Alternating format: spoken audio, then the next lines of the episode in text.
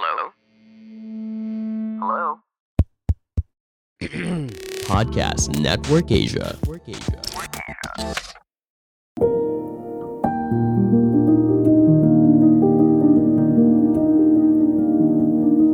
Hai, selamat datang di podcast Sudut Pandang Season 2. Kini, bersama dengan Podcast Network Asia, Podcast Sudut Pandang akan hadir setiap minggu, hari Rabu, jam 7 malam. Podcast Sudut Pandang, the podcast for your soul.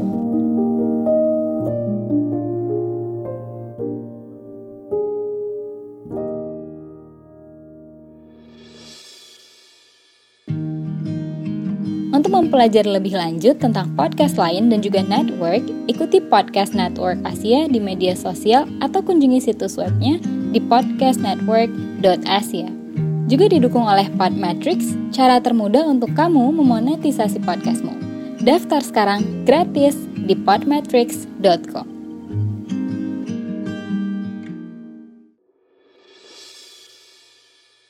Hai, selamat datang di podcast Sudut Pandang. Terima kasih sekali lagi buat teman-teman yang masih mau mendengarkan podcast ini dan terima kasih buat teman-teman yang sudah memberikan feedback. Semoga kita semua bisa menikmati minggu-minggu terakhir di tahun 2021 ini dan mulai bisa merelakan hal-hal yang harus kita relakan di tahun 2021.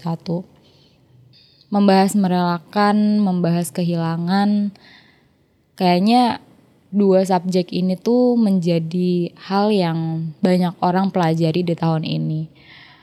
Pun gue dan kehilangan tuh selalu atau merelakan sesuatu tuh selalu menjadi hal yang berat.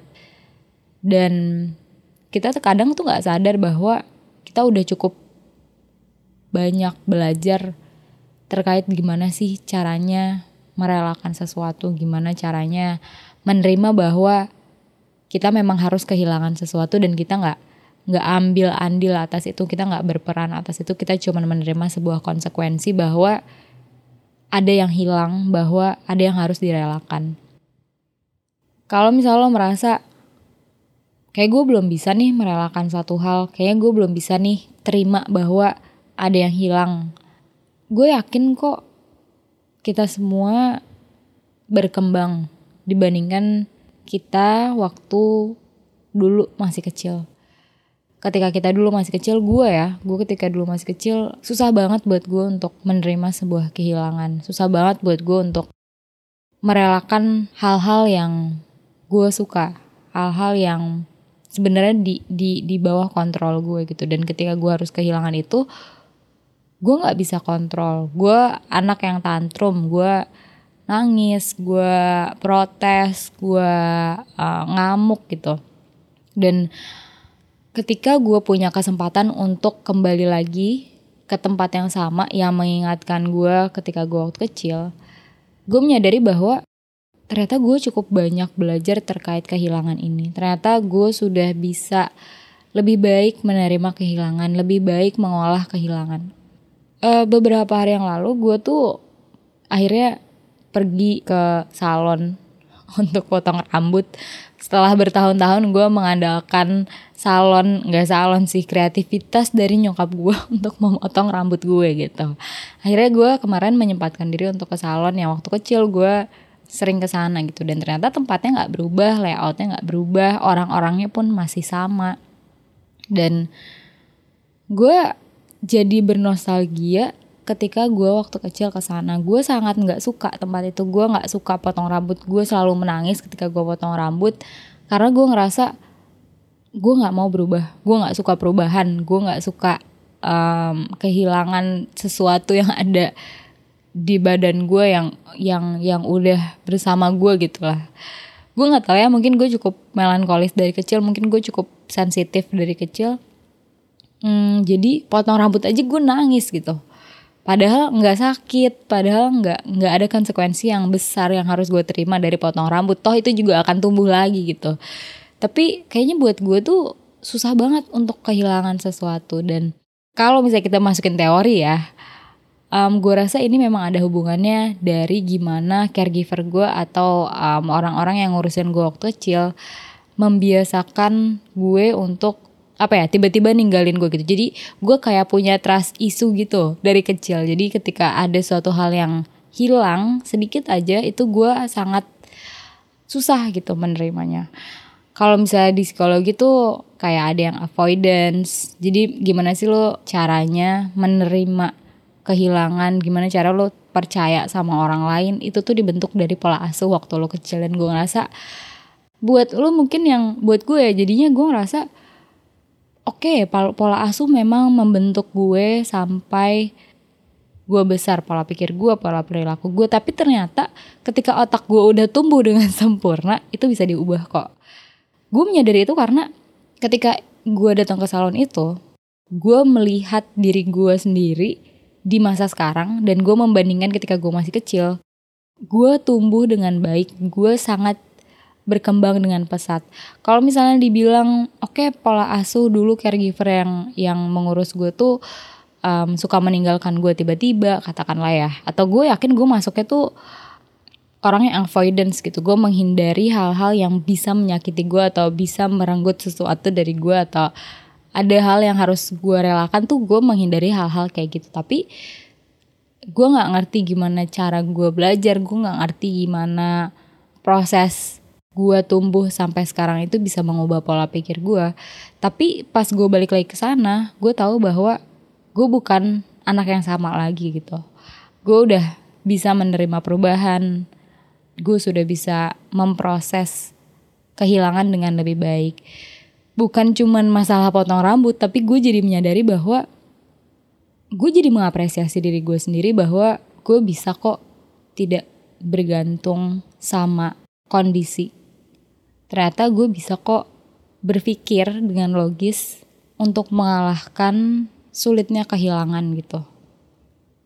Gue jadi mem memikirkan apa aja sih sebenarnya yang yang gue lewati, apa aja sih hal-hal yang harus gue relakan dari gue kecil gitu. Dan ternyata prosesnya gue menghadapi kehilangan-kehilangan itu tuh selalu jadi lebih baik kalau misalnya dibandingkan ke waktu gue masih kecil. Dan itu yang membuat gue proud ya sama diri gue sendiri. Gue jadi mengapresiasi diri gue sendiri oh ternyata lo tumbuh dengan baik ya. Oh ternyata lo bisa berkomunikasi dengan baik ya. Oh ternyata ketakutan gue atas kehilangan berkurang drastis ya. Atau cara gue menanggapinya tuh berkurang drastis. Dan ternyata gue melangkah ke arah yang lebih baik gitu. Gue rasa ketika mungkin ya ketika lo sedang merasa stuck mm, nggak mm, merasa berkembang lo ngerasa lo gitu-gitu aja lo coba deh datang ke tempat yang dulu waktu kecil lo datengin. Atau kunjungi orang-orang yang waktu lo kecil lo pernah ketemu atau hal-hal yang membuat lo teringat sama lo waktu kecil di kondisi yang sama gitu. Kalau memungkinkan. Dan lo akan sadar bahwa lo nggak gitu-gitu aja woi.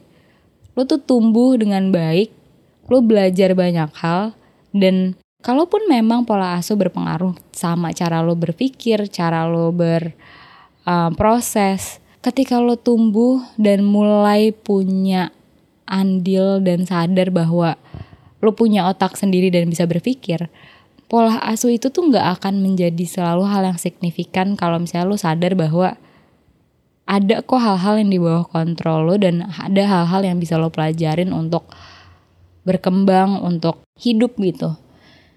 Jadi kalau lo masih merasa lo gitu-gitu aja, jangan bandingin lo yang hari ini sama hari kemarin karena kalau misalnya hari ini dan kemarin ya mungkin lo gitu-gitu aja tapi coba bandingin diri lo yang sekarang sama diri lo waktu lo kecil, waktu lo SD, waktu lo masih bocah ingusan yang nggak tahu apa-apa, nggak bisa apa-apa. Um, ya mungkin ada sih hal-hal positif yang waktu kita kecil yang sekarang kita nggak punya, tapi gue yakin hal-hal positif yang ada ketika lo masih kecil dan ketika lo sekarang coba lo apresiasi apa yang lo punya sekarang apa yang udah bisa lo pelajarin selama lo tumbuh karena akan ada perasaan menyenangkan gitu. Ada ada ada sebuah validasi dari diri lo sendiri bahwa lo tahu lo berubah lo tahu lo berkembang.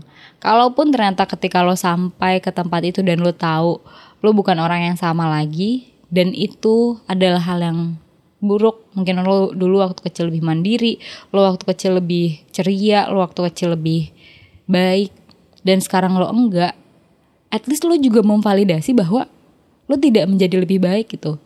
Dan ketika lo udah mendapatkan validasi itu, lo bisa mulai merelakan hal-hal yang tidak baik itu untuk bisa menjadi lebih baik.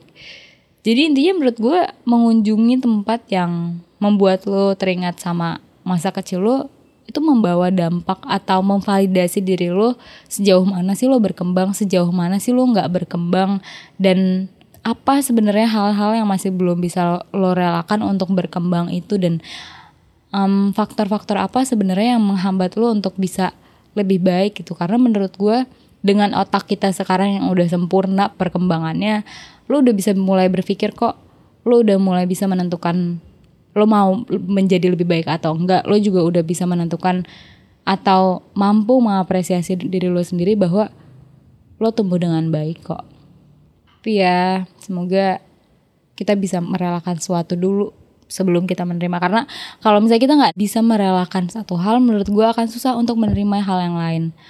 Karena ketika hal lain datang dan lo masih belum rela sama hal yang lo kehilangan tempat hal yang baru yang mendatangi lo ini tuh belum ada. Jadi lo belum merasa mendapatkan sesuatu. Lo masih merasa kehilangan sesuatu karena ya lo belum rela gitu gimana lo bisa merasa lo mendapatkan sesuatu kalau misalnya lo nya aja belum rela jadi coba belajar merelakan sesuatu tapi kalau misalnya lo belum bisa belajar uh, lo belum bisa merelakan itu coba lo belajar untuk atau coba lo melihat proses lo dalam merelakan sesuatu. Lo akan sadar bahwa lo pelan-pelan berkembang kok walaupun sedikit demi sedikit.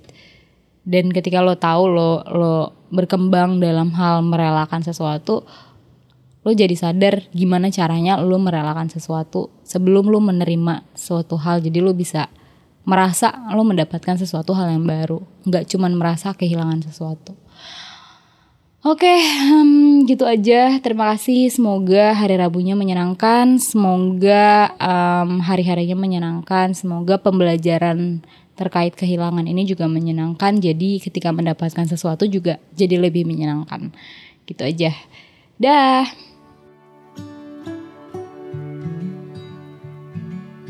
Pandangan dan opini yang disampaikan oleh kreator podcast, host, dan tamu tidak mencerminkan kebijakan resmi dan bagian dari podcast Network Asia. Setiap konten yang disampaikan mereka di dalam podcast adalah opini mereka sendiri dan tidak bermaksud untuk merugikan agama, grup etnik, perkumpulan, organisasi, perusahaan, perorangan, atau siapa pun dan apa pun.